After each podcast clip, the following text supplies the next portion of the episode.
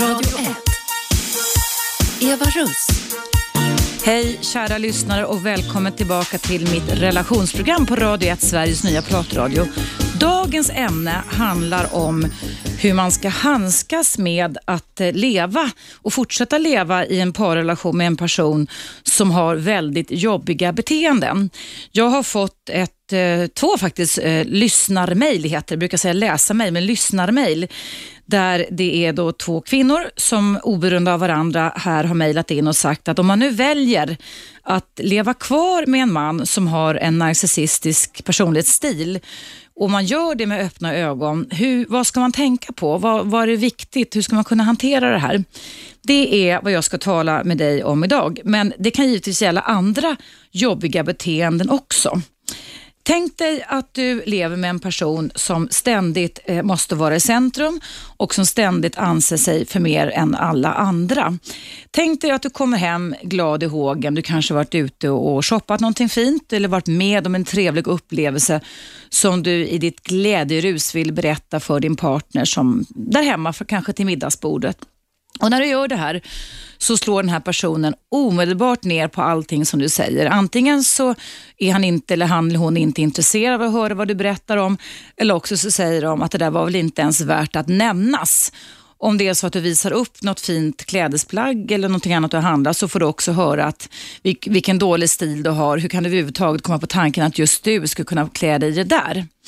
Och eh, När du går på fester, när ni har någon fest av något slag, så sätter sig den här personen, mannen eller kvinnan, sig i centrum hela tiden och inte drar sig för att förminska dig inför andra personer genom att berätta lite sådär halvt kränkande historier om dig som han, den här personen gärna kan skratta åt själv.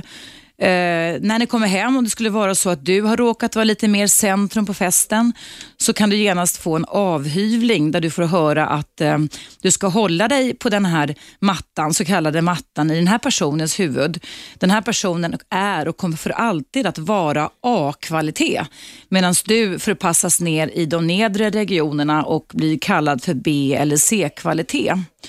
Och när ni har någon form av eh, ja, relationsproblem, som vi alltid kan ha och som alltid ingår i alla relationer som vi lever i, inte minst parrelationer, så är det alltid med automatik ditt fel. Det är aldrig så att den här personen någonsin kan ta till sig kritik, utan snarare så kan den här personen bli fullständigt rosengrasande galen av att överhuvudtaget kunna bli ifrågasatt. Ja, det här är några av de tecken som kan känneteckna personer som har narcissistiska, grad, eh, narcissistiska drag. Eh, det är personer som eh, de här två lyssnarmejlen från två kvinnor beskriver att de ändå vill välja att leva med. Och Det är ju så när vi väljer en partner att från början så har vi ju liksom ingen aning om vad som rör sig i en persons inre, inte minst under den första förälskelsefasen eller första åren, när vi någonstans, vi människor rent biopsykokemiskt skulle kunna säga, är väldigt, väldigt flexibla och anpassningsbara och lätt beter oss på ett idealt sätt eftersom vi så gärna vill bli gillade. Men i takt med att vi sen börjar lära känna varandra bättre så kan man ju upptäcka olika typer av personlighetsdrag som inte alltid är så roliga. Jag har själv eh, haft den tvivelaktiga äran att eh, möta på en narcissistisk man och jag kan lova dig att eh, jag valde att inte fortsätta den relationen. Det funkar inte. Jag tyckte att det var alldeles för jobbigt att leva med en person som ständigt automatiskt såg sig som för mer än alla andra och som kunde också bli rosenrasande för att vederbörande inte ansåg att han hade fått speciellt bemötande av mig. Det var ständigt en jakt på det här att bli beundrad och uppmärksam och så länge som man anpassar sig till den här personens önskemål och högdragna bild, att leva upp till den här högdragna bilden, så var det inget problem. Utan det problemet var när det i mitt fall då var så att jag ville ha en jämbördig relation och där även jag och mina talanger skulle kunna räknas på något sätt, så blev det genast en väldig obalans i den här relationen.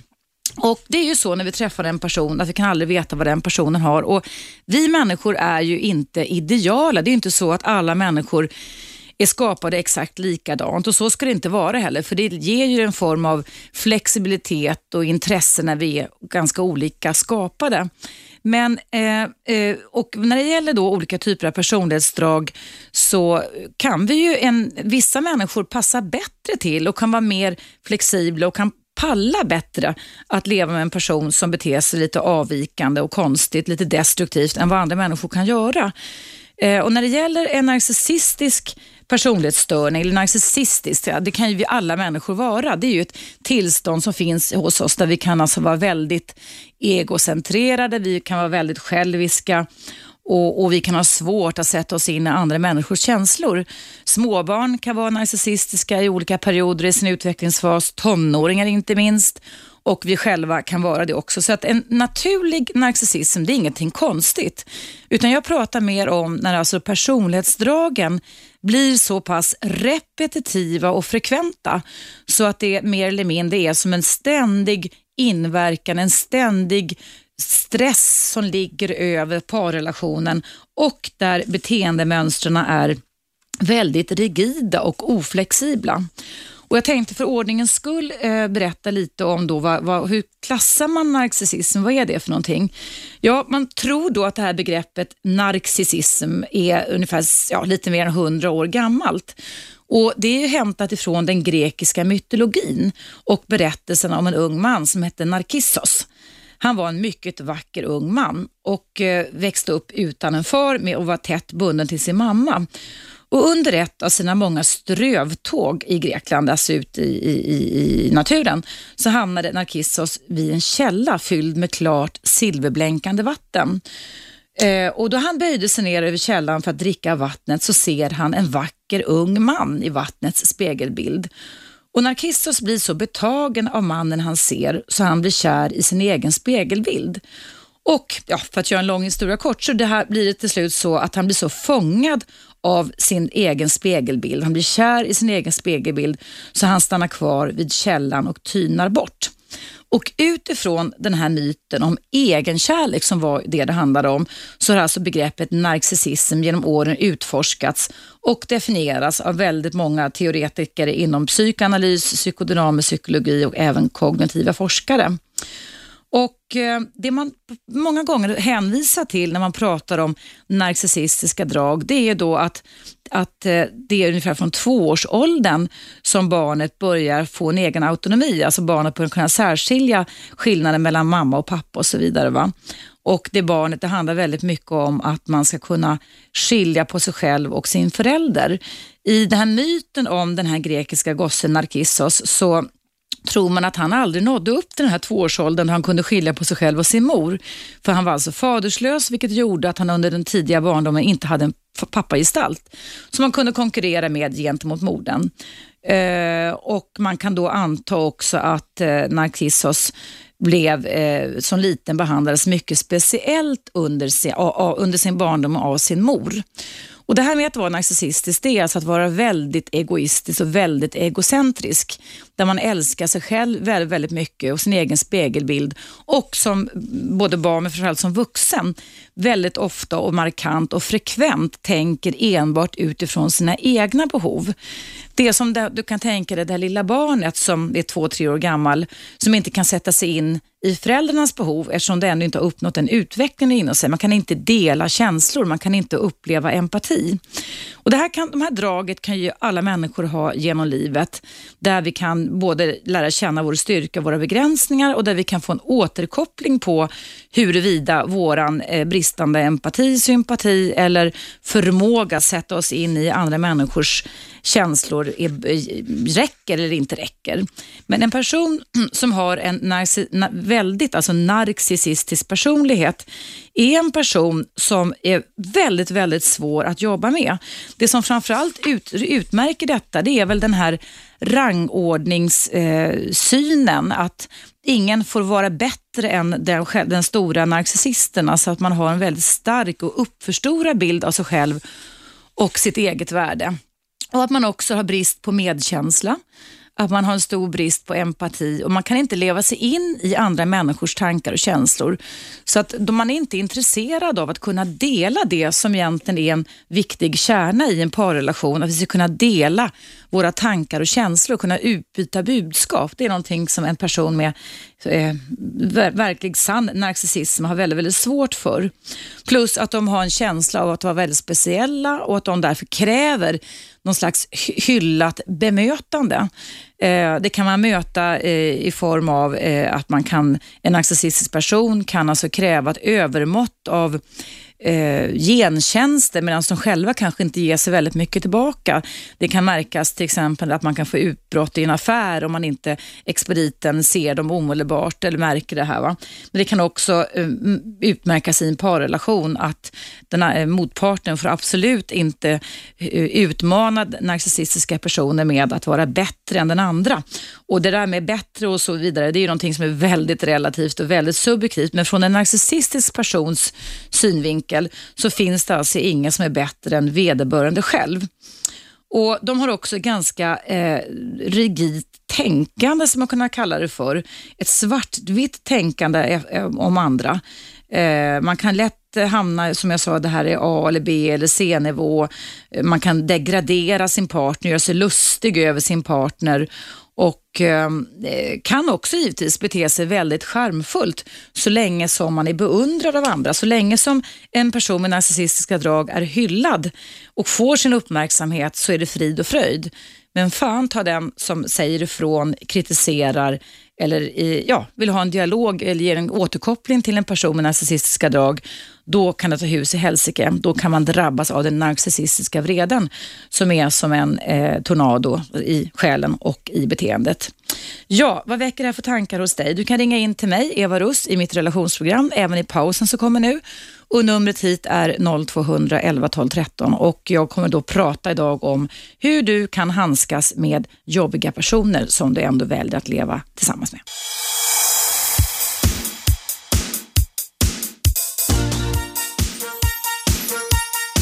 Radio 1.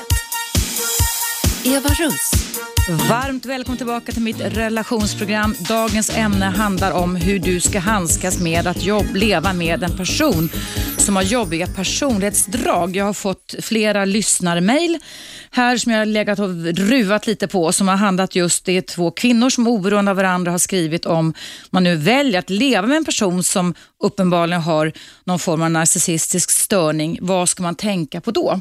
Och för dig som precis kom tillbaka till radion så kan jag berätta det då att en person som har narcissistiskt eh, humör kan man säga, kan pendla väldigt mycket i sin sinnesstämning. Det kan gå rekordsnabbt ifrån iskyla och stenhård kontroll till att eh, vederbörande kan bli ett litet sårat barn som med snoret sprutandes och darrande underläpp vädjar till dig.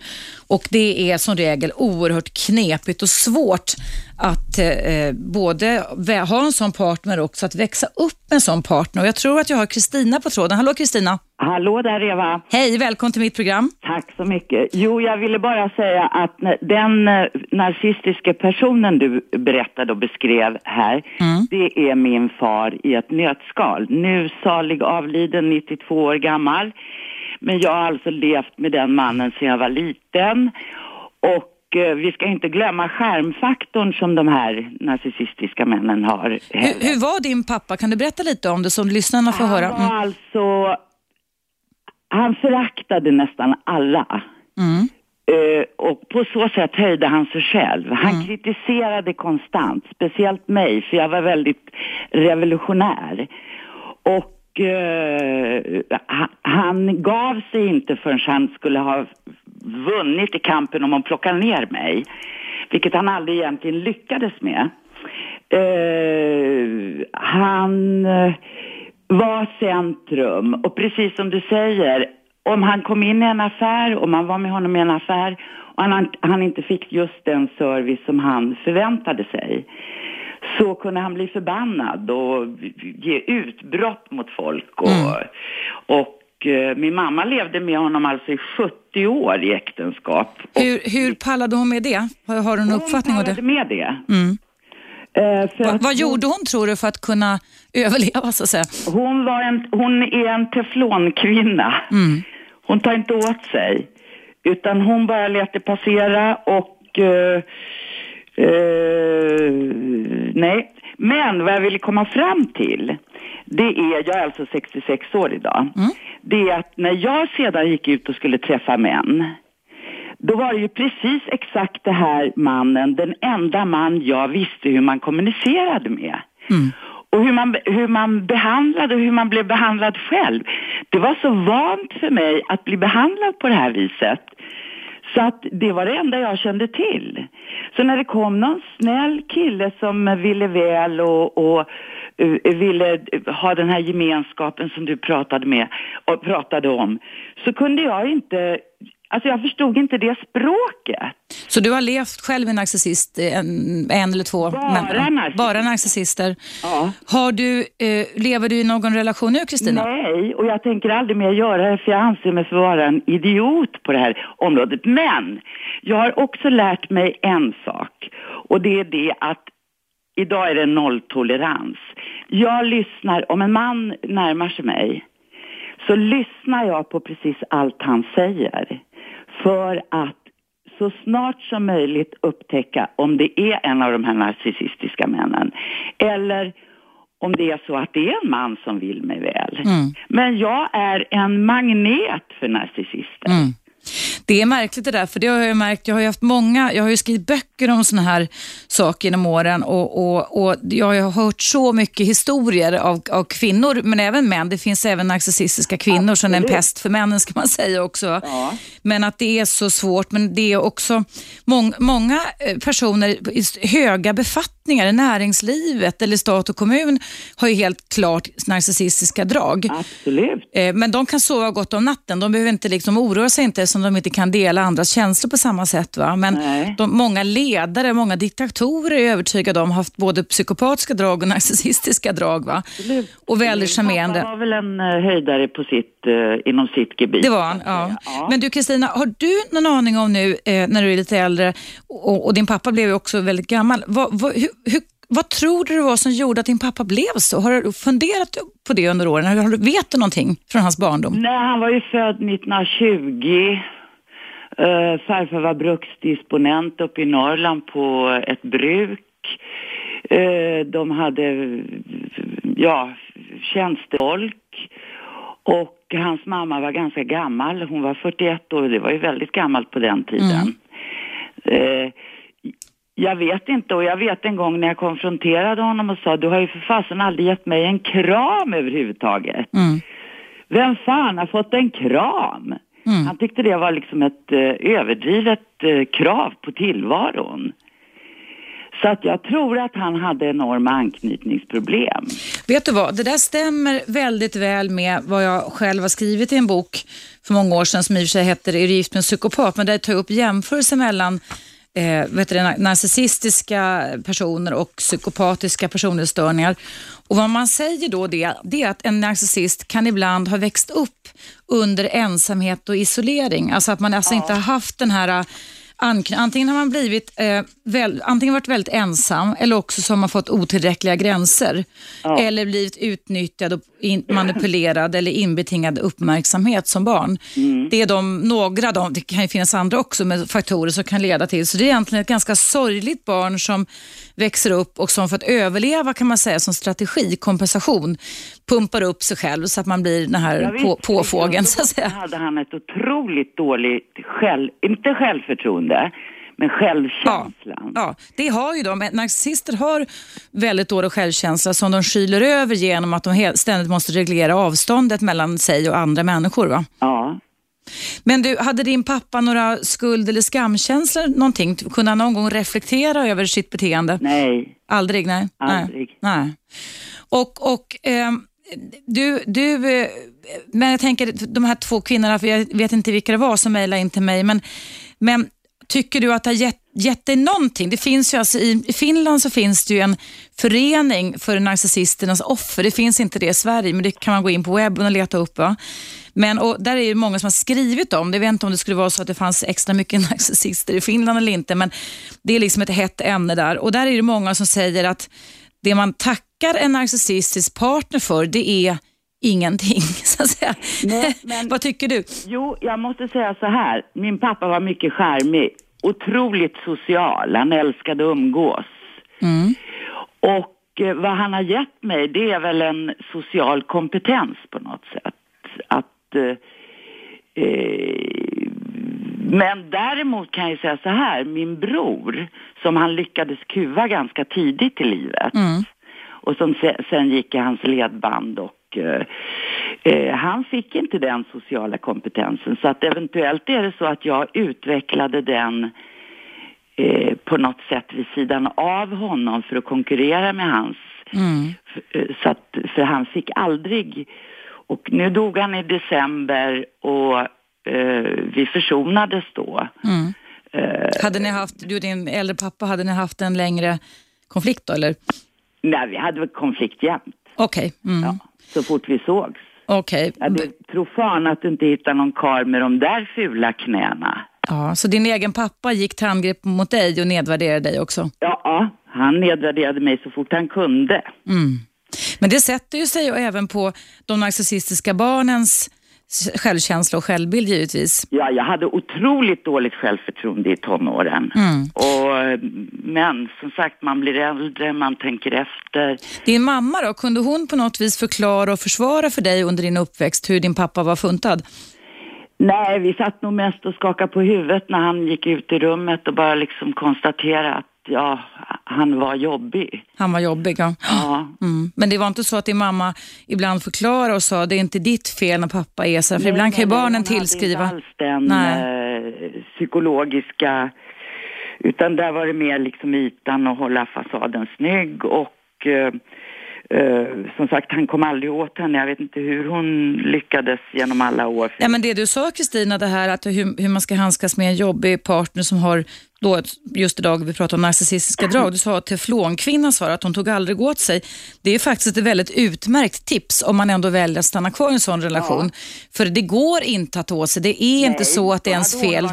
Ja, ja, nej, men det går, då blir man nedbruten alltså, utan det gäller att vara en teflonperson, teflonkvinna eller teflonman om man ska kunna klara av det. Ja, Mm. och jag vet eh, om han hade varit lite fräck eller eh, tryckt ner henne eller någonting när han kom sen och skulle vänslas i köket för de hade ett väldigt lyckligt äktenskap. Mm. Då kunde hon sticka en armbåge i, i mellangärdet på honom och bara säga försvinn.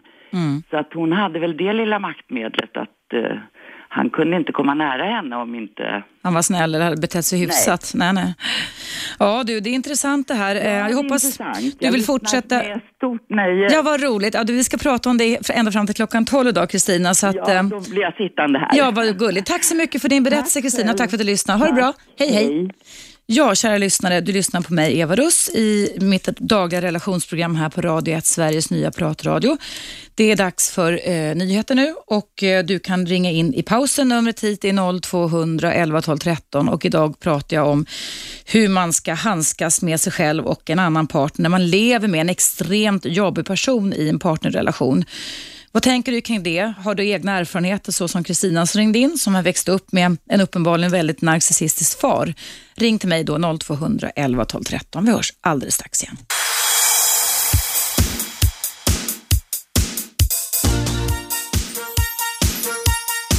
Radio 1. Eva Russ. Välkommen tillbaka till mitt dagliga relationsprogram. Dagens ämne handlar om hur ska man handskas med extremt jobbiga personer som man väljer att leva kvar i en, i en parrelation där personen uppenbarligen har problem med sig själv. I det här fallet så kommer dagens ämne ifrån ett par lyssnarmail som jag har fått in ifrån två kvinnor oberoende av varandra som skriver att de vill leva med sina då vilket de antar då narcissistiska män. Och narcissistiska män, eller kvinnor, för det finns kvinnor också, är alltså väldigt, väldigt svåra att hantera. För det handlar hela tiden om en konkurrens, en svartsjuka, en kontroll där en narcissist eh, ständigt eh, blir galen om inte man får den uppmärksamhet som man tror sig kunna förtjäna. Det kan också finnas en ganska stor brist på empati och sympati och eh, det finns också ett begrepp som heter den narcissistiska vreden som är likt en supervulkan eller tornado när man blir ifrågasatt. För en narcissist pallar inte med att bli ifrågasatt för de anser sig vara ja, födda av, av någon gudomlig makt. Och eh, jag har Staffan på, på tråden. Nej, det hade jag inte. Vad synd, då försvann Staffan. Nu ska jag se vem som är där. Hallå, är det Maria? Ja, hej. Hej Maria, välkommen till mitt program. Tusen tack. Vad vill du ställa för fråga? Ja, jag, jag är intresserad. Vad är det för skillnad mellan en narcissistisk person och eh, psykopat? Ja, det är någonting som många människor ibland kan blanda ihop då. Man kan säga som så att ja. en, en narcissistisk person, narcissist, nar, heter, narcissistisk heter det, precis, narcissistisk, det är så att man nästan snubblar på det själv i min egen... Ja, precis. Det är alltså, båda räknas som personlighetsstörningar. Alltså det är inga sjukdomar. Att vara psykopatisk eller vara narcissistisk, det är ingen sjukdom, så du kan inte ta några tabletter för att liksom bli botad. Va? Nej. Utan det handlar om att man eh, man under liksom i princip nästan hela livet har betett sig på likadant sätt. Ja, och att eh, det syns framförallt genom att man är väldigt oflexibel och rigid och att man har vederbörande har svårt att ändra uppfattning och syning och tolkning på sig själv och andra och det som har hänt. Va? Mm. Man har svårt att funka i samspel, alltså i en relation. Det är därför det är knepigt att mm. även jobba. Det finns böcker om att jobbiga människor på arbetsplatser som också kan ha, ja, den här, den här, alla är ju inte narcissist, inte så, alltså, men många kan ha det. Det kan vara så väldigt, väldigt, väldigt knepigt. Va? Mm. Och att det är någonting som eh, att det är någonting som är jättesvårt att komma undan med. Okay. Och en narcissistisk person är inte, även om de kan bete sig kallt och iskallt, så är de inte eh, psykopater på ett så sätt att de alltså kan vara antisociala eller alltså bete sig ant mm. antisocialt, även fast man kan tycka det kan vara gränsfall. Okay. Eh, en narcissistisk person, som jag sa, kan på många sätt funkar väldigt väl ute i samhället så länge de får det här måttet av beundran och de liksom, eftersom de ser sig mm. själva förhöjda över alla andra. Va? Eh, och de gör inte samma tabbar och misstag som man kan säga som en person som har en antisocial eller en, en, en eh, psykopatisk personlighetsstörning. Mm. En person med psykopatisk personlighetsstörning kan, kan redan alltså under uppväxten ha överträtt lagen, alltså man kan ha varit eh, tonårskriminell, förstår du? Eller liksom mm. betett sig oerhört skam och skuldfyllt och man mm. kan ibland vara alltså antisocial genom upprepade brottsliga handlingar. Men ja, ja. de har ofta svårt att kunna planera. En narcissist kan vara väldigt intelligent och för, därför de kan vara på ledande ställningar. Va? Eh, och en narcissist kan också vara på ett sätt ansvarslös men ganska ansvarsfull. Alltså man sitter i en ledande position. Men det kan inte en person med psykopatdrag. Det kan de inte. Nej. Alltså.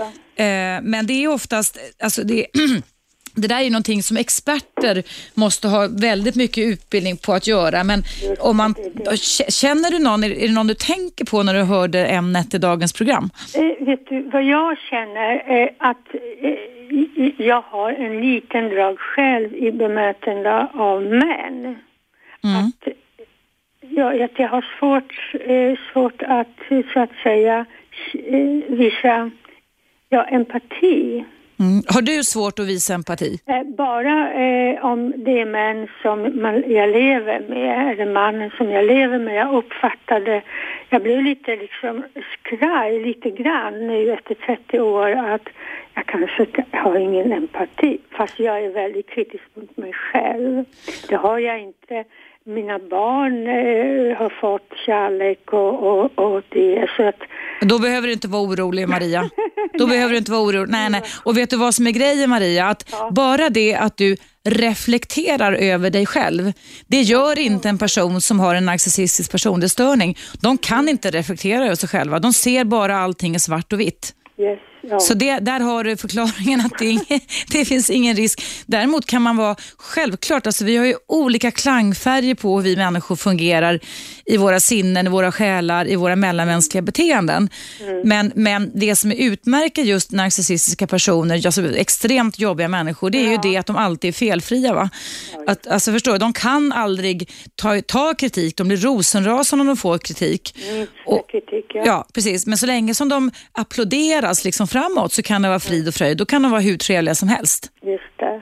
Men de kan aldrig fundera över vad gjorde jag för fel. Alltså de kan inte ta, göra det. Det finns ingen självreflektion. alltså. Mm, det, det är totalt som vatten på en gås, så du behöver inte vara ett dugg orolig Maria. En annan liten sak, Ja. eller stor sak. Igår på Kunskapskanalen, det är en utmärkt kanal som Mm. vi har gratis, då hade handlat program om eh, psykopater. Vad intressant. Ja. Ja, väldigt. Och då liksom den här mannen sitter som, ja ingenting, så ja, jag hade, han säger jag har sexuella, kon- han sitter i fängelse alltså, Mm. eh, sexuella kontakter.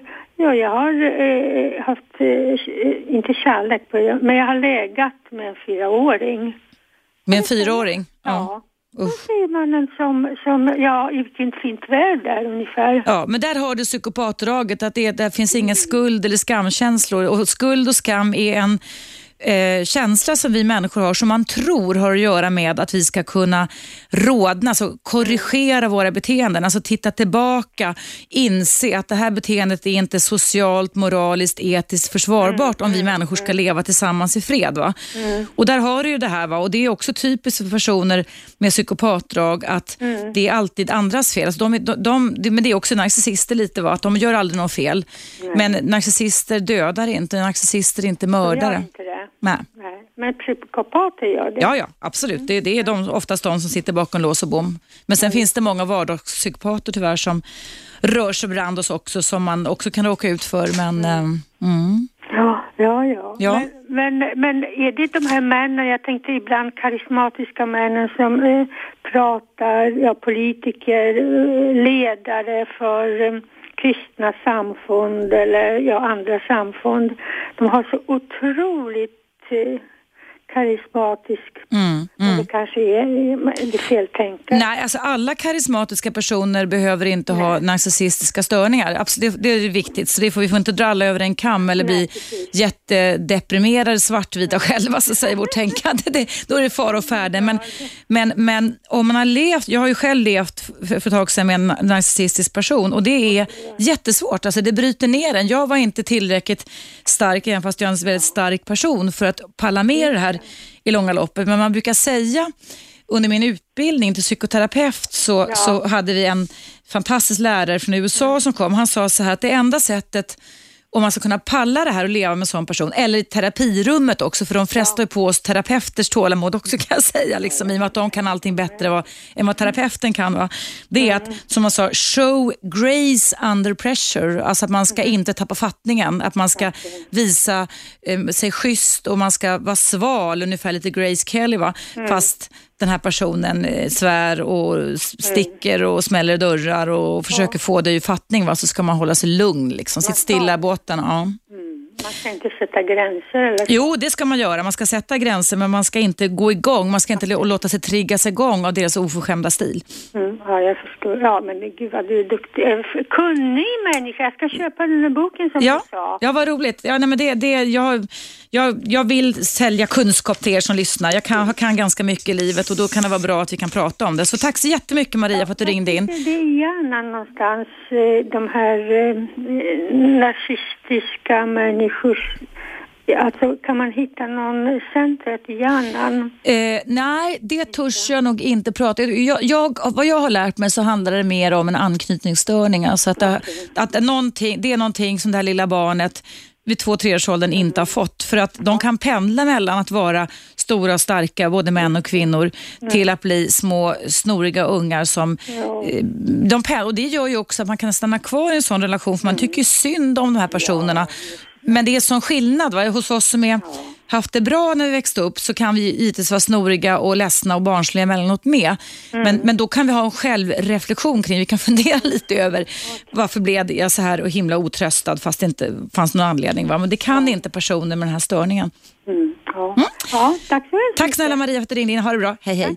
Ja, kära lyssnare, du lyssnar på mig, Eva Russ, i mitt dagliga relationsprogram här. Det är dags för en liten paus. Ämnet är hur ska man handskas med att jobba med en person som har narcissistiska personlighetsdrag eller en extremt jobbig människa. Och vill du veta mer om det så kan du lyssna på mig efter pausen. Men du kan också ringa hit och numret är 0211 12 13. Vi hörs alldeles strax.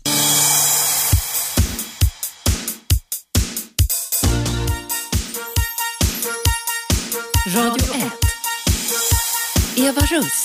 Välkommen tillbaka. Mitt eh, ämne idag i relationsprogrammet handlar om hur ska man handskas med att jobba med en person som har extremt jobbig personlighet, narcissistisk personlighetsstörning och ämnet kom upp eftersom det var en av er lyssnare, eller två av er lyssnare som mejlade till mig.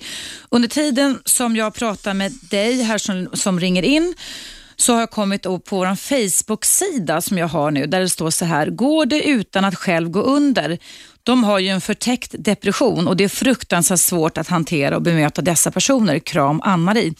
Och det är helt rätt, det är verkligen det. Och det är faktiskt vad man kan säga om personer, i alla fall man tar just den här abrovinken, alltså när man har narcissistiskt sätt att fungera på, så är det oftast människor som innerst inne är väldigt, väldigt djupt deprimerade. Alltså människor som någonstans har missat jättemycket under sin uppväxt som har lett till att de pumpar upp sig själva och blir oftast lite pain in the ass för andra människor. Det, men de är inte det så länge som de får det här övermåttet av beundran. Och Sen har också Mikael mejlat in till Facebook och skrivit så här.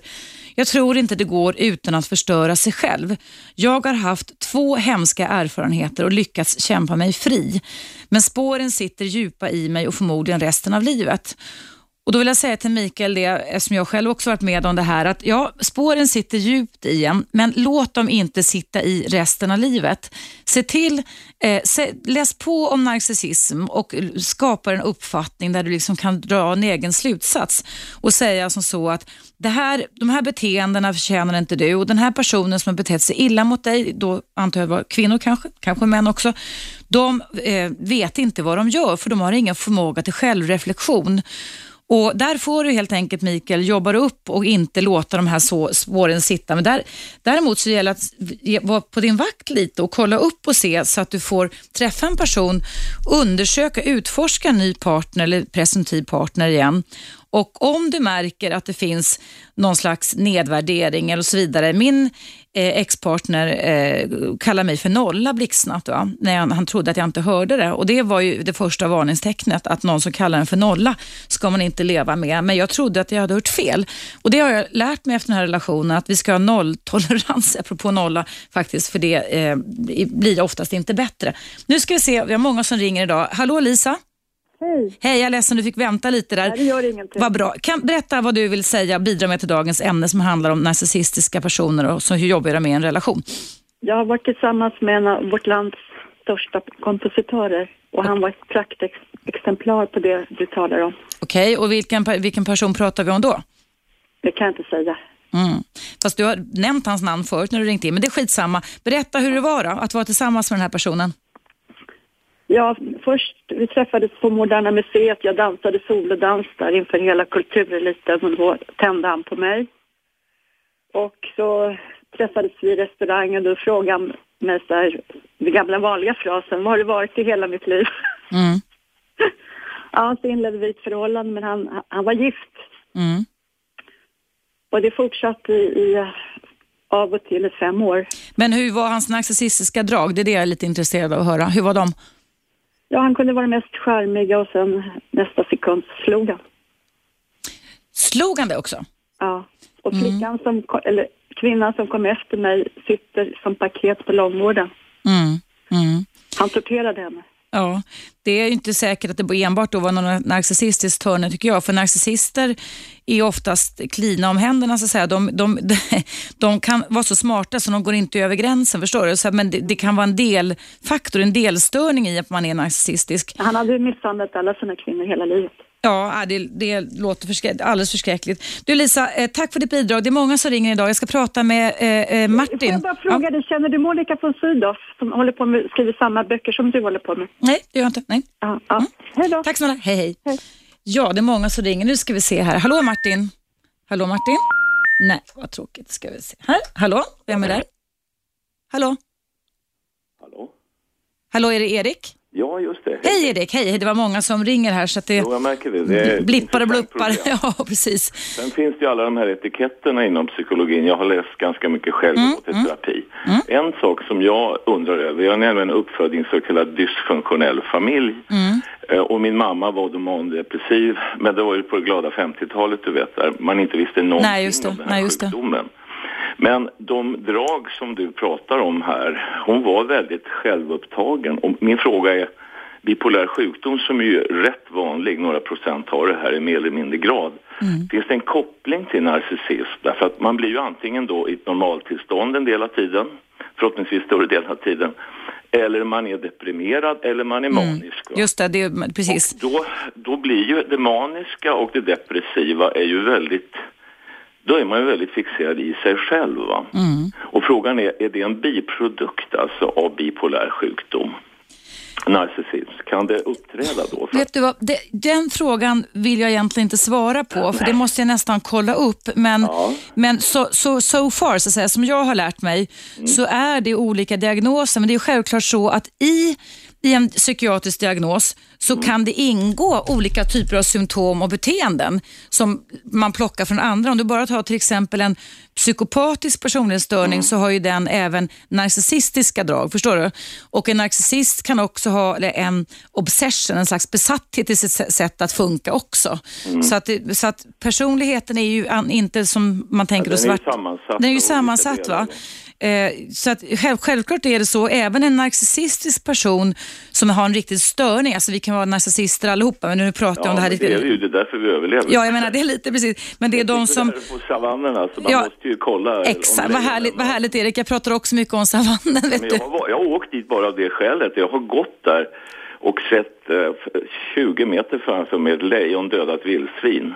Vad häftigt. Ja, det stod en, en kille framför mig med ett gevär, men ändå. och då tänkte jag så här, hur, alltså vi är ju inte anpassade för det för fem öre. Vi sitter på våra datorer och vi mm. stressar runt i, i ekorrhjulet.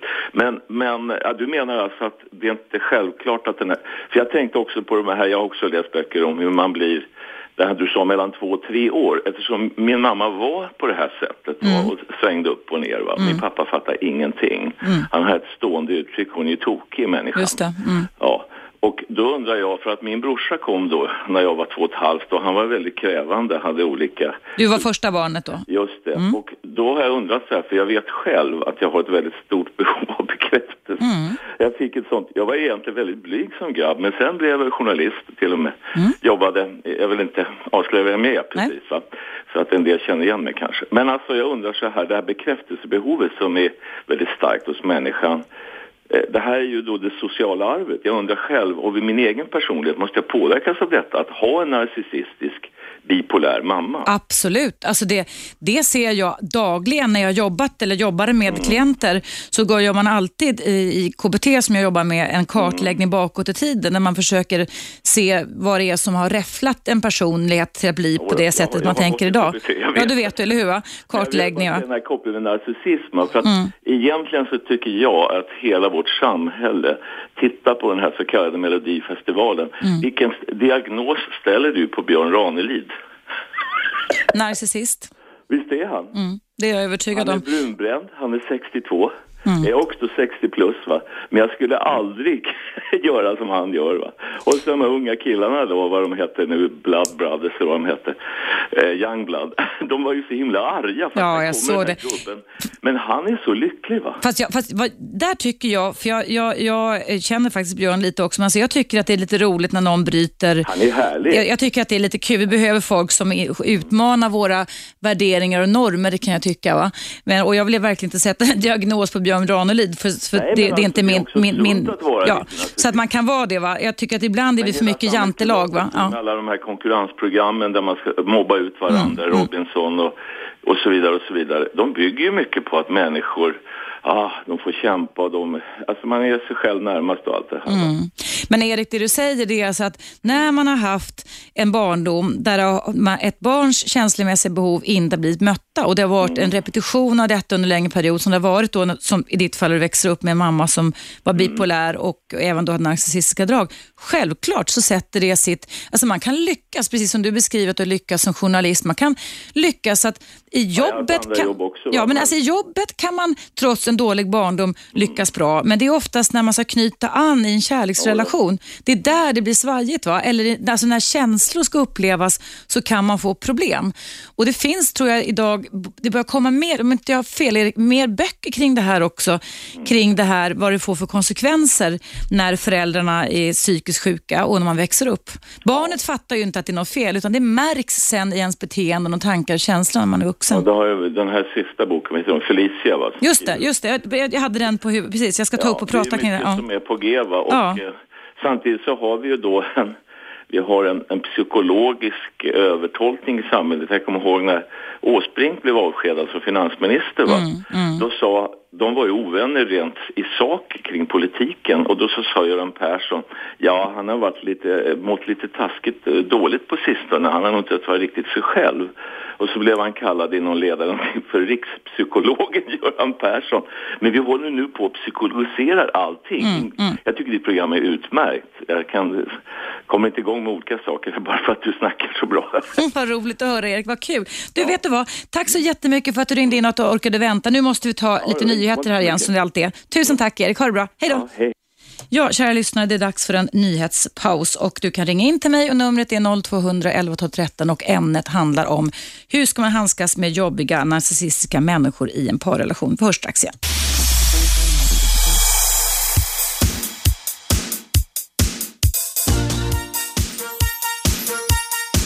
Radio 1.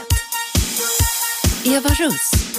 Välkommen tillbaka. Dagens ämne handlar om hur man ska tänka och hur man ska agera för att kunna överleva att leva tillsammans med en person som är extremt jobbig i en parrelation. I det här fallet så eh, kommer ämnet dag ifrån ett par lyssnares mejl in till mig som säger att om man nu väljer att leva med en person som är en narcissist som är oftast ganska jobbig, hur ska man tänka då? Och nu undrar jag om Martin finns kvar där. Ja. Vad fint. Vad snällt av dig att du hängt kvar så länge. Vi du, du försvann innan pausen här, men nu är vi tillbaka igen. Ja, nej, jag undrar bara om man... Eh, ja, hur, hur man kan se att någon är narcissistisk, det har jag ju sagt redan. Mm. Man, eh, men undrar om man kan ha narcissistiska drag? Ja, då, alltså alla människor har vi narcissistiska drag. Det är någonting som rent evolutionärt kan vara bra för oss att säga. Att vi tror på oss själva och att vi eh, ja, gör oss fina för varandra och att vi liksom eh, är lite själviska och egoistiska ibland. Men det man pratar om som har varit liksom den stora grejen för vår, vår överlevnad, det är den här altruistiska ådran, att vi ska hjälpas åt, att vi ska samspela. Och lite det här som vi idag kallar för jämställdhet, att vi ska vara på samma jämbördiga nivå. Och lever man med en person som har en väldigt stark, alltså narcissistisk personlighetsdrag eller störning så kan man aldrig leva på en jämbördig nivå. Det funkar inte därför att det handlar hela tiden om för den som är narcissist att reglera avståndet med hjälp av verbal, alltså med ord och beteenden så att den som, är den som har en narcissistisk störning är alltid för mer än alla andra människor va? och tål inte att bli ifrågasatt och kräver ett mått av beundran och måste hela tiden jobba på att förhö förhöja sig själv och förminska andra människor. Okej. Okay. För ett tag så trodde jag att kanske att jag själv var narcissistisk. Ja, vad grundar du det på då, Martin? Nej, men eh, först så började jag berätta om eh, hur, hur det kommer sig att en person kanske är narcissistisk eller varför han, han eller hon blir narcissistisk. Mm. Och, och, det skulle ju så vara att man är ensam som barn, kanske utnyttjat, eh, har en svår uppväxt eller, eller sådär. Mm. Och eh, det kan ju många ha. Det betyder inte att man måste nej. vara narcissistisk. Nej, nej. Men, men sen eh, tycker jag väl, kommer på mig själv liksom att jag tycker att jag kan vara i förhållande till min, min fru att, att jag är liksom, eh, liksom dominant ibland och, och lite på gränsen till besserwisser och mm. eh, jag liksom är hård, liksom allmänt hård och jag, och jag har jag har väldigt lätt för att, liksom bara borsta av mig eh, kritik. Alltså jag har inget emot att ta kritik eller om någon säger något dumt till mig, men mm. jag tar inte åt mig det. Okay. Speciellt. Men, men om jag ger kritik till någon annan så kan de bli väldigt sårade har jag märkt. Det är som att när jag säger någonting till någon negativt, om jag säger något negativt till någon, ger kritik på något sätt, då tar de det väldigt hårt av någon anledning. Det känns som att jag kan ge kritik hårdare än någon annan. Och jag är inte aldrig ja. Det kanske du skulle fråga dem du har gett kritik så du kan få lite feedback. Men Martin, det jag hörde säga och jag sa det till en, en kvinna som ringde in i programmet tidigare idag som också trodde att hon kanske hade någon slags narcissistisk störning. Att en narcissist kan aldrig reflektera över sig själv. Nej, det hörde jag också. Men jag tänkte ändå jag skulle ringa in. Ja, men det är kanon. Men jag tror inte att du... Men däremot så är du nyfiken och det är en väldigt bra sak på dig själv, vad du kan göra bättre. Alltså, och där kan du ju, just det här med feedback och återkoppling, fundera lite över, finns det något sätt som du skulle kunna uttrycka på ett al- alternativt sätt? Du kanske kan ta hjälp av din fru och få lite feedback av henne. Ja, precis. Jag tror att... Eh, nu kommer vi in på förhållandena, men om man, om man då... Om du säger att man kan ha narcissistiska drag. Så All, alla kan ha det mer eller mindre, men nu pratar vi om de som har st- starka sådana drag så att säga. Ja, men du säger att jag har det lite oftare än vad hon har om man säger så. Ja. Då, då, om hon då till grunden är en person som, som inte är hård och, och liksom kör över folk och det vill jag inte att jag gör heller men, men, Mm. men som är liksom, har inte lika stark karaktär eller ståndpunkt så att säga, står lite osäker, då, då blir det ju väldigt olyckligt om då, hon då träffar en person som är det. ja, det blir det. Och, Eh, och, Då, då är det ju tufft för henne att, att, att leva på det Mm. sättet. Men vad du kan göra om du är lite oroad över detta, det är ju det som jag alltid säger i mitt program, att vi varje dag egentligen ska se över våra beteenden, hur vi kan förbättra dem tillsammans i, om vi lever i en parrelation. Eh, och Då tycker jag det kan vara värt att eh, be, be att få återkoppling av din, den person du lever med, alltså din fru. Och, och fråga också att om hon kan bli tydligare med när du ibland kör över henne, när du säger att du är för dominant, så att, säga, att hon har någon signal, att hon kanske, att du, att du får- också får öva Martin på att vara lite mer lyhörd och liksom oh, stanna upp lite när hon sätter en gräns. För det kanske man, du ibland inte gör. Det låter så som du beskriver i alla fall. Ja, men det stämmer säkert. Och sen, men sen är det, känner jag igen det här med att, att jag alltid... eh, det finns någon slags inre stolthet i mig som säger att, att jag måste vinna varje fight. Jag, jag, jag, jag kan inte vika mig utan jag, jag måste gå vinnande ut det här. Utan, men, eh, jag känner igen mig. Jag tror fan jag är en. För att jag, jag, det är liksom jag...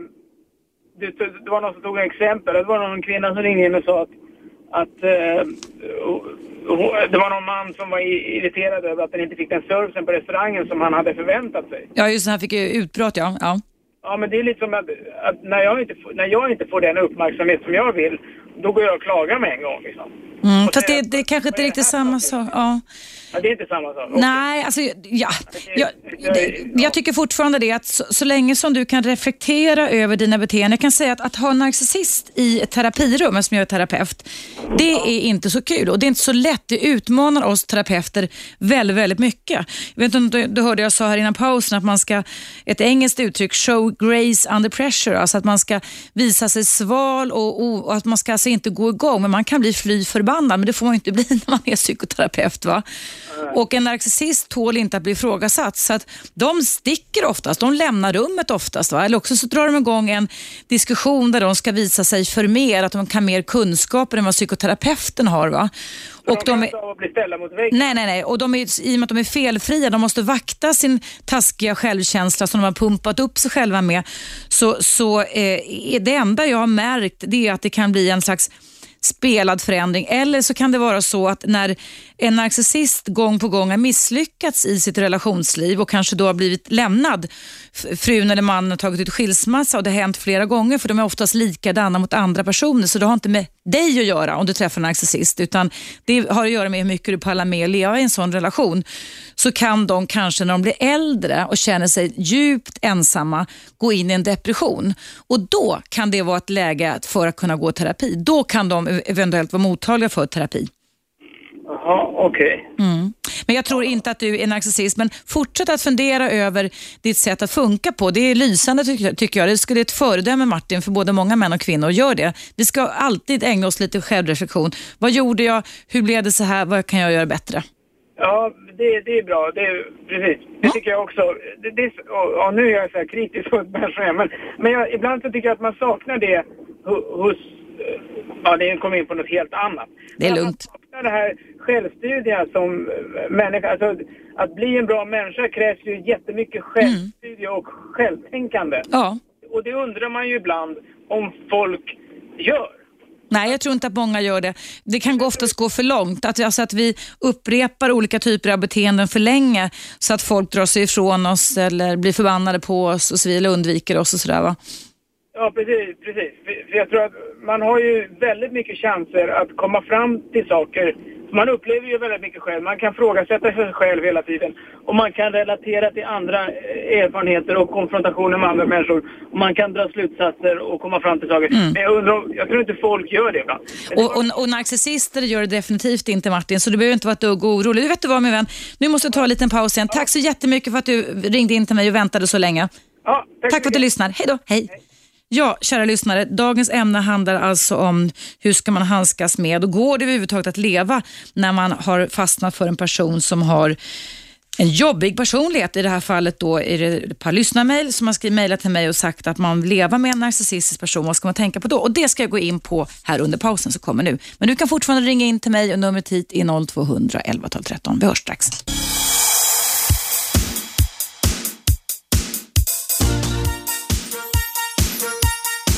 Radio 1.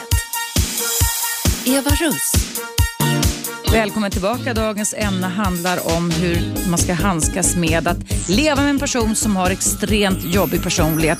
I det här fallet eh, några lyssnarmail som har skrivit in att de är säkra på att deras partners har narcissistiska drag, men man vill ändå leva kvar med dem. Och Då kan jag säga det då till dig som lyssnar, eller som är nytillkommen lyssnare, att en narcissistisk person, det är en högst självälskande person och själva ordet, begreppet narcissos kommer ifrån den grekiska myten om den unge Narcissos som gick, gick vilse i skogen, eller inte gick vilse i skogen och råkade se sig själv i sin egen spegelbild i en vattenkälla och föll så mycket in love med sig själv så att han tynade bort till slut. Han blev extremt kär i sin egen själv, självbild. Och eh, Det här är ett ämne som engagerar väldigt många av er. Ni kan gå in på Facebook och mejla till mig. Ni kan gå in på Radio 1s Eh, på webben, alltså hemsida under mitt program och mejla till mig. Och, eh, jag ska läsa upp två mejl som har kommit in under programmets eh, gång idag. Ett är från Mikaela. Hej Eva, jag växte upp utan far och med en psykiskt och ibland fysiskt misshandlande mor. Detta kämpar jag fortfarande dagligen med. Jag har försökt bryta helt och hållet med min mor, vilket inte är lätt då jag inte har några andra släktingar eller annan familj som kan vara till stöd. Eh, jag har läst en del om både psykopati och narcissism och känner igen min mor i båda dessa. Vad är skillnaden? Min mor har starka psykopatiska drag men samtidigt är hon inte helt ofelbar eftersom hon föraktar sin egen överviktiga kropp. Jag känner mig ensam i detta och letar också efter någon slags samtalsgrupp där jag kan möta andra som växte upp under liknande förhållanden. Har du något tips? Nej, alltså som jag sa, i, i Finland så finns det en um, stödförening som heter Föreningen för narcissisternas och psykopaternas offer. Och jag tycker vi borde skapa en här i Sverige med, men jag känner faktiskt inte till det. Men, men Mikaela, på din fråga så är det ju så här att att begreppet psykopati är väldigt om, omdiskuterat och även svårdiagnostiserat. Och Det kan också ha beröringspunkter med begreppet narcissism. Man kan säga att eh, eh, det kan ibland vara svårt att kunna se skillnaden, men en narcissist är inte så hänsynslös och har inte en lika stark manipulativ förmåga som en psykopat har. Och Tittar man då på, när man talat om psykopater så finns det olika forskare genom åren, som finns namn som Millon och Kleckley och allt vad de heter, som skriver då om olika undergrupper hur man kan vara. Och Till exempel då så, en, så kan en psykopat vara principlös, falsk, risktagande, girig, ryggradslös, explosiv, grym, arg, elak, lurpassande. Eh, men kärnegenskaperna i båda störningarna som är alltså personlighetsstörningar, det är inte sjukdomar som man kan inte ta tabletter för att bli botad. Utan vad man tror idag inom min värld att det här handlar om eh, så kallade anknytningsstörningar. Att ett litet barns behov av trygghet, säkerhet och bekräftelser har blivit icke tillgodosedda och det har då lett till att man kompenserar med att bli stor, stark och uppblåst. Och Det kan man också ofta se, inte minst hos narcissistiska äldre personer, att när de gång på gång oftast då blir lämnade eller får kritik för sitt eh, jobbiga beteende så kan vissa av dem gå in i en depression som kan vara första gången faktiskt som de överhuvudtaget reflekterar över sig själv och sina beteenden. Alltså börjar fråga över vad är det som händer, vad är det som gör att jag alltid blir lämnad. Och då kan det finnas en möjlighet till förändring. Men när man jobbar med eh, narcissistiska personer som jag har gjort ganska mycket i min terapiverksamhet så kan jag säga som så då att om man väljer att vara kvar, om du lever en person som har det här så måste du ha kraft och ork. Och jag har ju fått några mejl från Facebook där man säger att, man måste, att det är svårt att leva med en sån person. Och det kan jag verkligen själv av egen erfarenhet hålla med om. Och, för man måste själv liksom stå för den trygga basen. Eh, ibland kan det vara så att en persons narcissism kan avta med åren, men jag har också hört tvärtom. Att de kan bli jävligare, alltså ännu värre med åren. Så det är lite riskfaktor om du väljer att stanna kvar. Eh, vad som också är viktigt tycker jag, det är att du hämtar hem ditt eget revir. Eh, att man inte ger sin partner samma befogenheter som den hade tidigare, till exempel att ha kontroll över pinkoder, post, pengar eller var det är någonstans och sådär. Att man inte accepterar det och att man alltså eh, eh, deklarerar detta och, in, och liksom håller på gränserna, att du håller på dina gränser hela tiden. Eh, sen är det en del som väljer att släppa iväg sin partner till psykoterapi. Och även om jag själv då är psykoterapeut eh, och tror på mina egna behandlingsmetoder så kan jag själv intyga av egen erfarenhet att det är sällan lönt att gå i terapi med en person som har narcissistiska drag. Eh, de tål inte att bli ifrågasatta.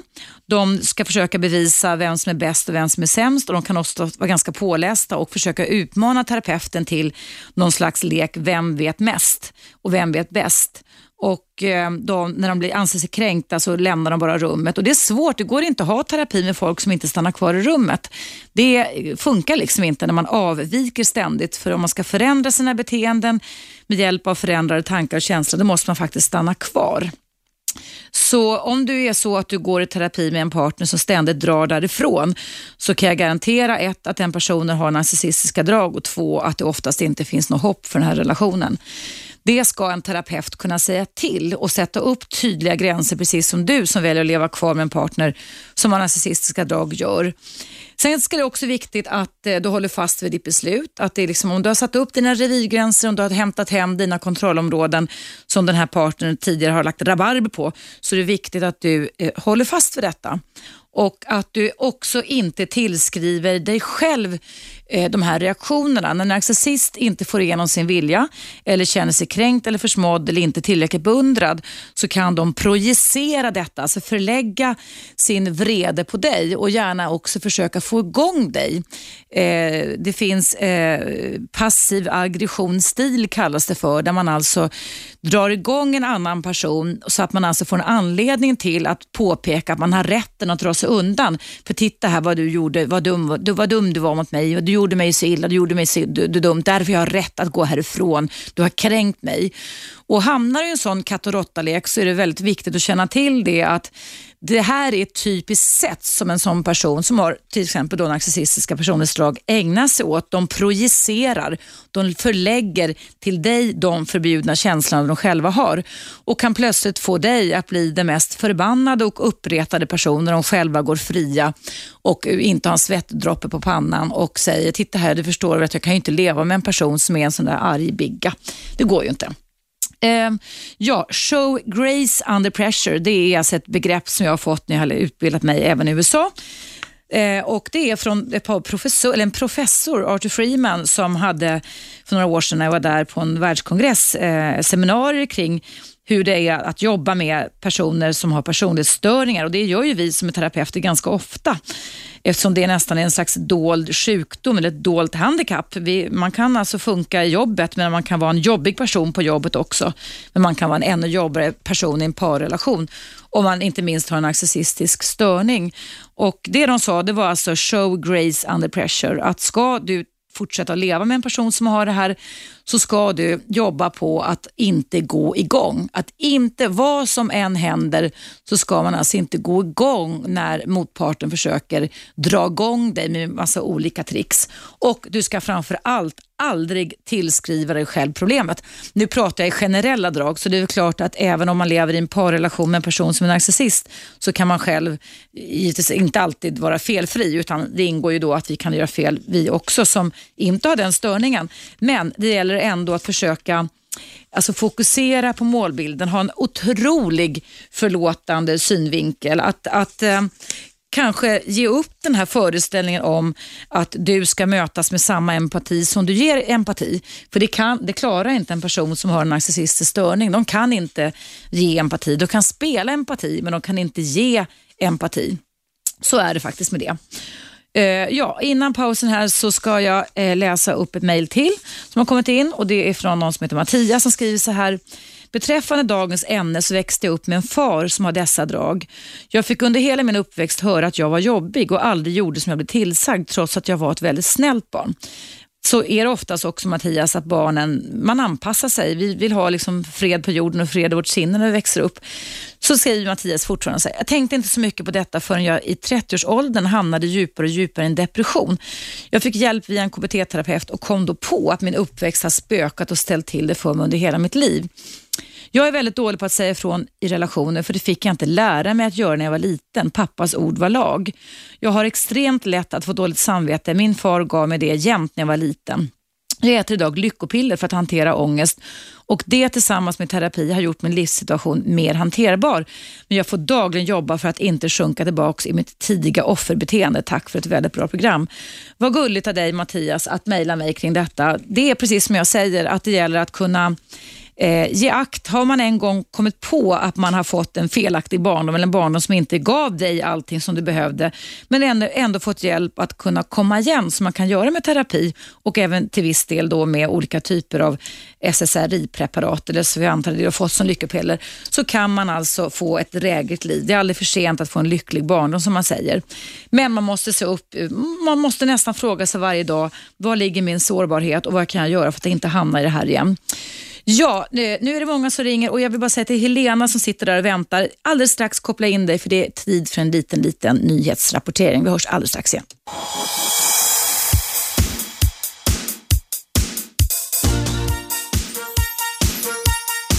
Radio 1.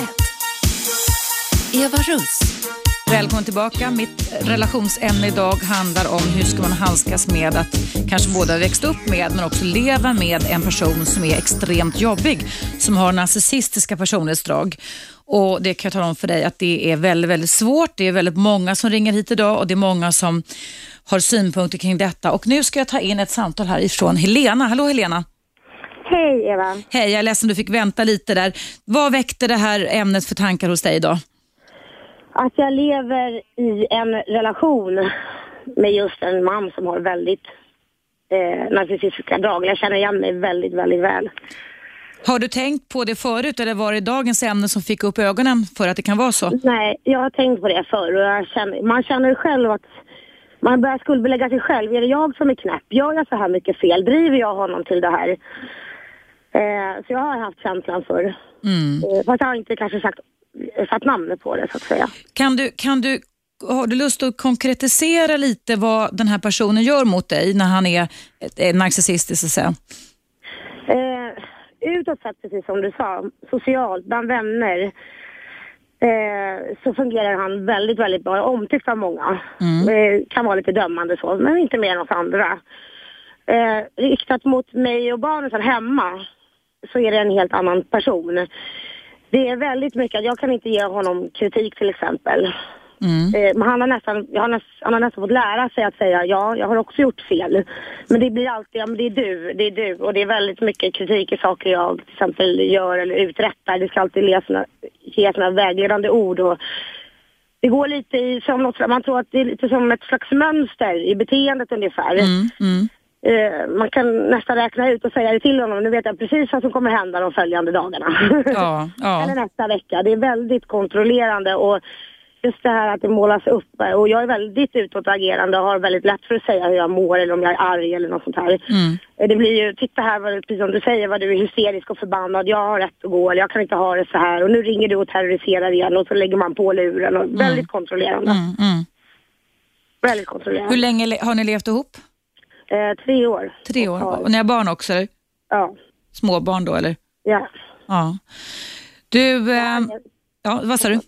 Det här är fruktansvärt jobbigt. Alltså det, det, är, det, är, det är hemskt. Alltså det är hemskt att leva med en person, för de, en, en person med narcissistiska drag blir också oerhört hänsynslös. Och som sagt, de är alltid felfria och de projicerar Ja. och de håller på. Har du fört på En vän tal... till oss dog ju här för, avled för ett tag sedan. Ja. Eh, bråk, kommande bråken efteråt, då hade jag tagit bort hans sorg. Jag tar bort hans sorg. Han kun- kunde inte sörja i fred. Så det var ditt fel att han inte kunde sörja? Ja, grej på grej på grej och sen kommer gamla grejer upp och sen, jag är stark och reser mig. Det, är- det är väldigt Ja. störande liksom. Ja, ja, för helst ska du vara underkuvad och svag. Men Ja. det där du sa Helena var ju väldigt intressant. Du sa att du, du hade tagit bort hans sorg. Där har du ett exempel på projektiv projicering, alltså hur man projicerar. För en narcissist kan inte ens känna sorg. Det är typ när de blir äldre och ingen vill ha dem längre för att de är så jävla jobbiga som de eventuellt kan känna äkta känslor. De, det är förbjudet för dem på något sätt. Det går inte, förstår du? Mm. Så det var hans sätt att sörja genom att anklaga dig för att du inte till, tillät honom sörja. För jag tror inte han vet hur det ska kännas själv. va? Nej. Och sen är det ofta så om det är någonting att eh, ja, men det är inte så farligt, ingen som tar skada av det här eller barnen tar inte skada av det här. Äh, de är så små än liksom.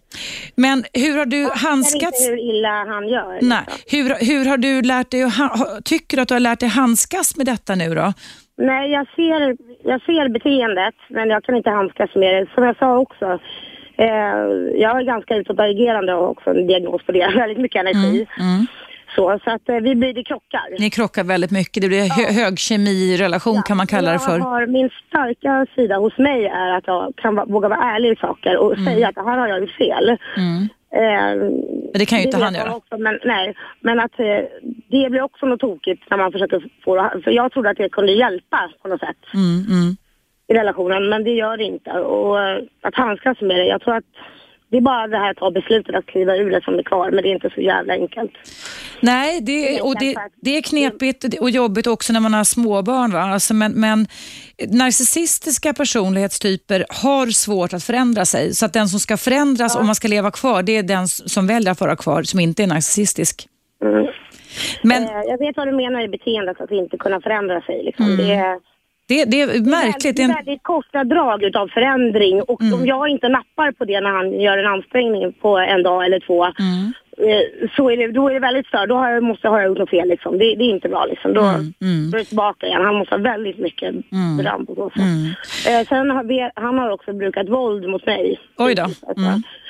Och eh, när vi går in i diskussioner, eller om jag ska liksom säga någonting och han tar det väldigt mycket som kritik, eh, saker och ting, då, då spårar det. Då kan han inte alltid hålla sig. Men Ibland- vad är det för våld han har brukat då? Alltså, Ehm, han drar i håret, han uh, tar strypgrepp, uh, men det är ju, miss, det är ju misshandel. Så, knallar in händer i kinder och jag har dragit fram sitt könsorgan i mitt ansikte. du har inte anmält honom? Det här ser mina barn alltså. Men det är Och inte bra. Han tycker att de tar inget skada än så länge. Vad sa du? Att, att han... De tar ingen skada av det här. De Jo, det gör de. Jo, jo, det gör de. Alla, alla barn tar skada av att vara vittne till misshandel. Det är Ehm, jättesvårt att dra sig ut. Det är Mm. nästan. Och det är bara det där sista klivet. Men jag börjar mer och mer känna. För nu, Mm. de som håller honom om ryggen i det här, det är hans föräldrar. Jo, det är klart, för de, de har ju skapat honom på något sätt. De har väl inte själva sett vad de har gjort. Så oftast så är det oftast... Så är det, vet inte alla vad som för sig. Nej, liksom, nej. Det här är. Men eh, som sagt, man känner, jag skuldbelägger mig själv mycket. Liksom. Men vet du vad? Börja med att inte göra det. Alltså, det är mänskligt och framförallt hos oss om, kvinnor, om vi väljer en person med narcissistiska drag, så har vi det här lite, lite, lite mer. Därmed inte sagt att män är oempatiska, va? utom narcissister då, så att säga. Men, men att vi har lite det här med att vi förlåta, vi, vi, vi liksom vård, vårdarinnorna på något sätt liksom, som kan göra det. Och det är väl fint i och för sig att man är uthållig på ett sätt, eller hur? Och att man försöker se till en persons bra sidor. För även en person med narcissistiska, en narcissistisk störning kan ju ha många bra sidor också, och funka, eller hur? Va?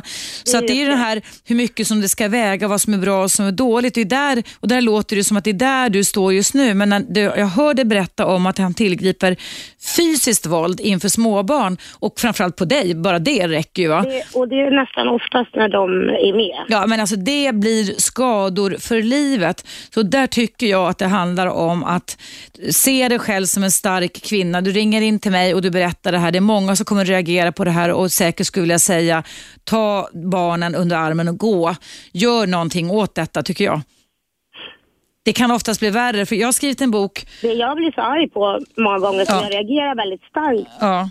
på så att säga, gentemot honom när jag blir förbannad och människor omkring oss kan tycka att jag hörs och syns och liksom, gud vad jobbig hon är. Mm. Men det är när det inte är schysst, när det inte är ärligt. Jag blir, alltså jag blir... Man, är, man är indragen i ett sp- skådespel. Ja, och man, det här säger till och med min pappa till mig, ser du inte det? Det här är ett spel han kör. Mm.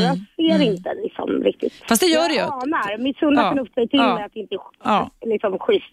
Och någonstans så går eh, drömmen i spillror. Mm.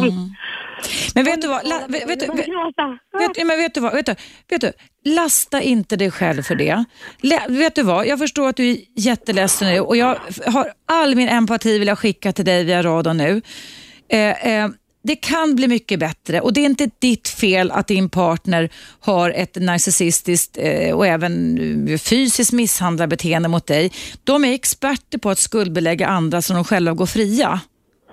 Så att, att du kan bli stark, du är stark nog att kunna ta dig ur det här och du måste också förlåta dig själv Helena, därför att det är skitsvårt att veta hur en person är. Det ta, kan ta ett par år innan de här dragen kommer fram. Som jag sa inledningsvis, innan man vet Det här liksom... mer när våra barn föddes. Ja, för de kan till och med vara svartsjuka på sina egna barn. Va? En, en person som är narcissist, de kan vara svartsjuka på sina egna barn. Så därför så är det liksom så viktigt att lasta inte dig själv för det här. Du har inte gjort honom till att bli den här uh, otrevliga, jobbiga och fysiskt misshandlade mannen. Det är helt och hållet hans ansvar. Det är han som inte har något intresse av att ta emot feedback och så vidare. Men han kommer förmodligen att göra så mot nästa kvinna med, förstår du? Jo. Så det därför så- är kul att lämna över barnen till honom i ett sånt läge sen. Det är det, man tänker ju så också. Ja, Man och det, det, är, Man det är alltid jätte, jätteproblem och jag kan säga att det får gå vänt... igenom då och polisanmäla honom och gå igenom en process för det, för att sen få hela vårdnaden. Alltså det kräver ju mycket av Det mig. kräver väldigt mycket av en... vet inte, man vet inte om man har all den kraften och så ska man förklara det för barnen i framtiden. Det är liksom... Man Mm. Men- sitter en, Ja, men man ta en- inte låta som ett offer, Nej. utan man sitter helt enkelt i en jävligt... Men, men om du inte gör någonting så är du ett offer. Men om du gör någonting så tar du dig ur offerrollen. Vill du hänga kvar lite? För vi måste tyvärr ta en liten paus igen. Så jag får prata klart med dig lite. Är det okej? Ja, det är okej. För vi ska ta en liten, liten paus så kan du ta lite vatten och dricka så länge. Och Nej, ett, dju- ett djupt, ett, en cigg då, okej? Och ett djupt andetag så hörs vi alldeles strax igen, okej? Hej så länge. Hej.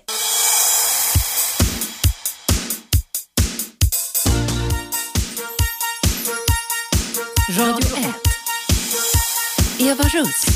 Välkommen tillbaka till mitt relationsprogram. Dagens ämne handlar om hur man ska hantera och handskas med att leva med en extremt jobbig partner i en kärleksrelation och vi pratar i synnerhet om personer som har narcissistiska personlighetsdrag och eh, jag har Helena med kvar på tråden. Hallå Helena? Ja, jag är kvar. Hej, har du hunnit hämta dig lite?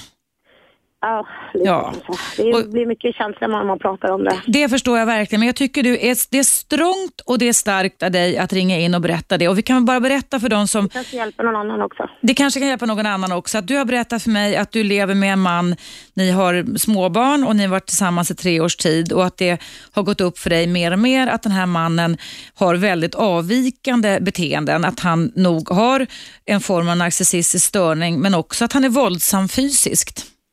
Ja. Och Jag sa innan pausen här då att en, det går, alltså, vi kvinnor eller kvinnor som blir utsatta för det här får aldrig bli offer eller, bli- eller hamna i ett medberoende för det är väldigt lätt hänt att man gör det. Men det är det jag känner lite, Ja. att jag, man dras med i det här. Ja. Det är på något sätt. Ja. Och man känner att, jag känner själv att jag förvandlas till någon som jag inte vill bli. Jag kan Ja. bli tillbaka fruktansvärt elak liksom till exempel. Men du, har du, du sa att din, din pappa, din egen pappa hade sett det här beteendet på din man. Har du någon annan nära... Utifrån det jag berättar. Ja, liksom. men har, har du någon bästa kompis eller så som också kan stötta dig i det här eller? Jo, det har jag. Som vet, vet hur läget är? Ja, Ja. ja. ja. Och de här eh, anfallen som din man gör då i både vrede men också fysiskt, hur ofta händer sånt? Det har varit kanske var sjunde, var tionde dag knappt. Och sen har det blivit bättre. Någon gång har det blivit tre veckor. Utan att något tjafs? Ja. Och då hoppas man... Det är så sjukt Eva, för när jag säger till honom då som innan julen till exempel, för att han, det är ju sån här grej som han Märkesdagar, jul, det är bara massa tjafs och det är precis att de ska straffas. Här ska vi inte fira någonting liksom. Mm, Det är bara jobbigt fast han målar upp en bild utåt att nu ska vi fira jul och vi ska fixa julmat och du vet såna här grejer. Mm. Och jag då ber honom att sabba inte det här nu för att vi, jag tycker om att fira jul. Mm. Vi vill fira jul här liksom. Och passar inte det då får du faktiskt gå härifrån. Då kan du göra det redan nu. Och då kommer de här jätteutfallen eh, där han då ska då dominera med könsorgan och allt det här. Och så ska jag åka på väg på något möte och börja se helt glad ut.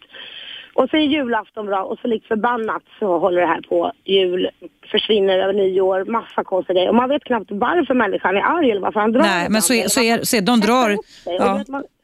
Det- blir, det är så här, där var ju här typexempel just då. Sen har det ju hänt saker efter det också. Men och nu avbröt jag det. Jag blir så upphetsad så jag mig bort vad du frågar. Men... Jag, jag, kan, jag kan berätta för dig om att med den här mannen jag pratar om så blev, jag, blev han förbannad annandag jul för många år sedan och eh, vi var nygifta då och höll sig undan från mig i tre veckor. Vi var gifta ett halvår innan dess, så vi var nygifta. Bara för att jag sa något olämpligt ord eller någonting sånt där. Va? Så, att det, så att, vad, vad du ska göra i alla fall, Helena och alla ni som lyssnar, det är att ta, försök att inte ta åt det. Deras beteenden är deras störning och det är någonting som du inte rår för. Det spelar ingen roll egentligen hur det är. Egentligen alltså, om du underkuvar dig och aldrig ifrågasätter och inte blir förbannad som du säger, då är det frid och fröjd. Men det är när du vill ha den här vanliga relationsbalansen där man kan ge och ta och återkoppla och så vidare som det blir problem. Va?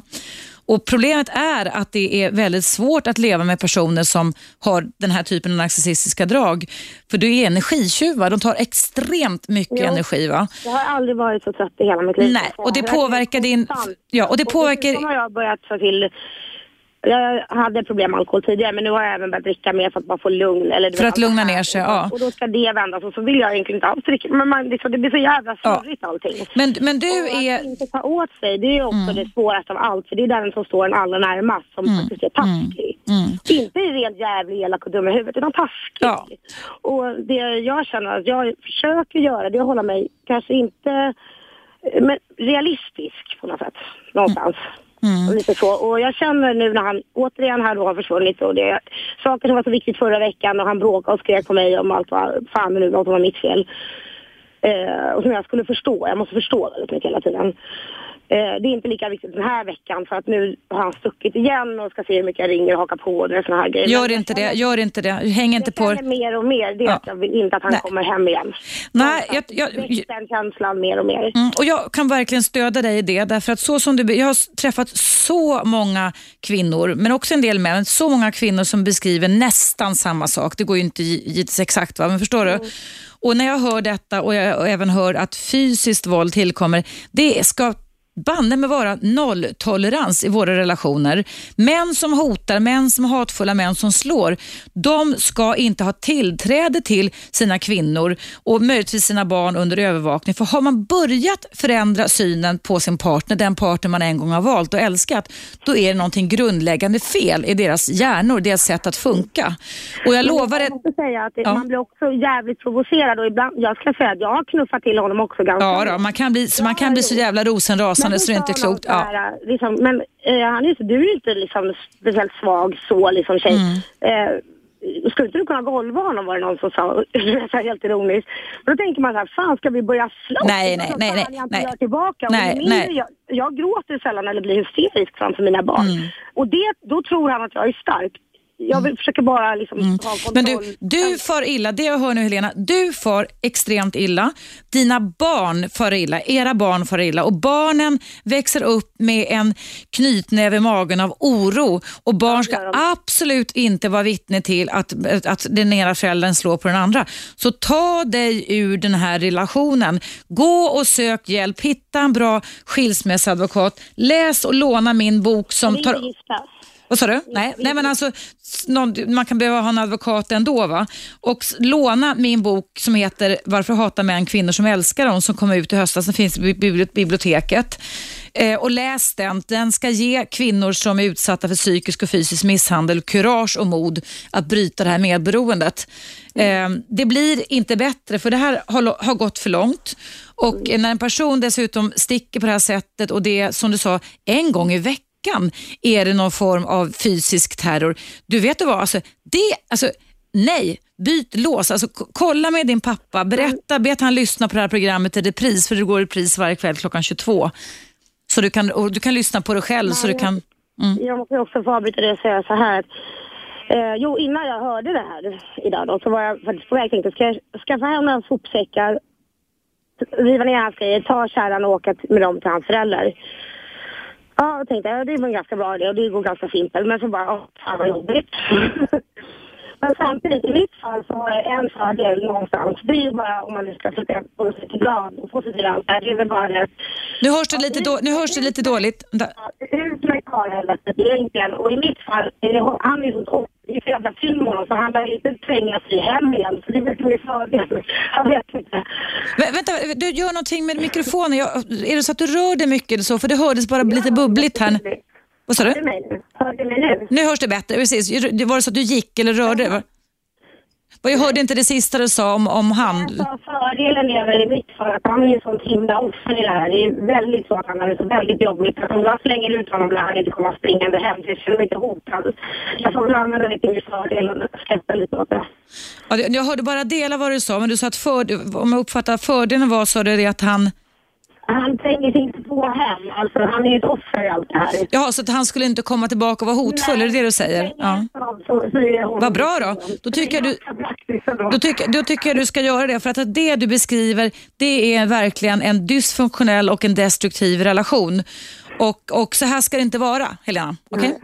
Och, och, och eh, ta det ur och se till att du får stöd på något sätt. Du kan gå till, bor du i Stockholmsområdet så kan du gå till din husdoktor på öppna, öppna mottagningen som oftast många husläkare har.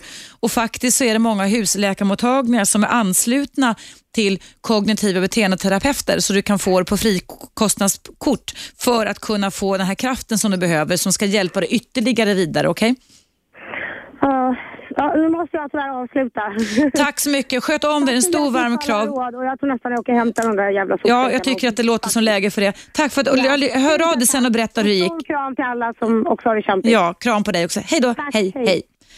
Ja, kära lyssnare. Det var väldigt fint och eh, hemskt att höra Helenas berättelse. Eh, en berättelse ur livet om hur eh, ett relationsliv inte ska vara. Och Jag hoppas att du som lyssnar har förstått då det att eh, sannolikheten för att en parrelation ska bli i balans och bli bra när man har upptäckt väldigt dysfunktionella beteenden som kommer igen, som Helena berättade här en gång i veckan, så blir hon hotad och även åker på fysisk misshandel det är inte okej okay. och jag tycker att vi ska bryta vårt medberoende eller kvinnor eller män som är inne i det här och vi ska också jobba på att anmäla förövare. Det får vara nog nu tycker jag. Oh, jag är alldeles slut av detta ämne idag, men in kom Johan Kindmark. Ja, och jag är inte slut. Du är inte slut. Jag, har du knappt ska, börjat. Du har knappt börjat. Lurig mick här som åker jag måste hålla i den. Ja. ja, precis. Vi kör igång här efter dig Eva som en fem, sex, sju minuter och det blir mycket sport, mycket fotboll från helgen givetvis. Vi gillar ju fotboll, jag och Lissol. Eh, ska även prata lite grann om en SVT-profil som tvingas sluta på ett speciellt program för att hans far kliver in som förbundskapten. Väldigt lurigt kan man tycka. Mm. Och sen ska vi, ja, fira är fel ord, men eh, vi ska ta oss tillbaka. För på, för tio år sedan idag så hände en grej i, i hockey-OS som en spelare, en hockeymålvakt, eh, alltid kommer att minnas. Inte ett så kul minne egentligen. Eh, han släppte in en puck som gjorde att Sverige åkte ur OS-turneringen där. Det var tio år sedan. Mm. Vi ska snacka lite grann om det. Så det blir eh, fullmatat sportvärlden här mm. alldeles strax. Okej. Okay. Det låter jättefint det. Och Då är det dags för mig att säga adjö för idag och jag vill tacka alla er som har engagerat er i dagens ämne. Jag har fått jättemånga mejl här och Radio 1 finns också på Facebook och det finns som iPad och det finns också på alla smartphones kan man numera ladda ner en app gratis med Radio 1. Och som sagt, mitt relationsprogram sänds varje dag i veckan mellan måndag och fredag, också i repris klockan 22. Men du kan också när som helst gå in på webben under www.radio1.se och lyssna på mig. Jag tackar dig för att du lyssnade och engagerade dig i ämnet idag. Ha en bra dag så hörs vi imorgon igen. 101,9 Radio 1 Sveriges nya pratradio.